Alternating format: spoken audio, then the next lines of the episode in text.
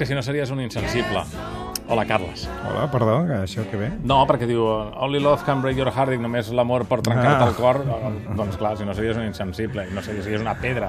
Um, efectivament, només l'amor pot trencar el teu cor. Eh, Estem davant del primer èxit en solitari del cantautor canadenc Neil Young, un dels músics, recordem, més influents de la seva generació, que per cert ja té 66 anys. Sí, i nou treball discogràfic amb Crazy Horse. Only Love Can Break Your Heart, només l'amor pot trencar el teu cor, apareixia el 1970 i 20 anys després, al 90, una banda britànica amb nom de ciutat francesa, Saint-Étienne, en feien una versió en el seu disc de debut, que per cert es van poder veure fa poc al Primavera Sound d'enguany. 20 anys després, també. És a Ah, dir, efectivament, ara. de, de 20 en 20. Això és una mica com No, no, Dallas, 20. no?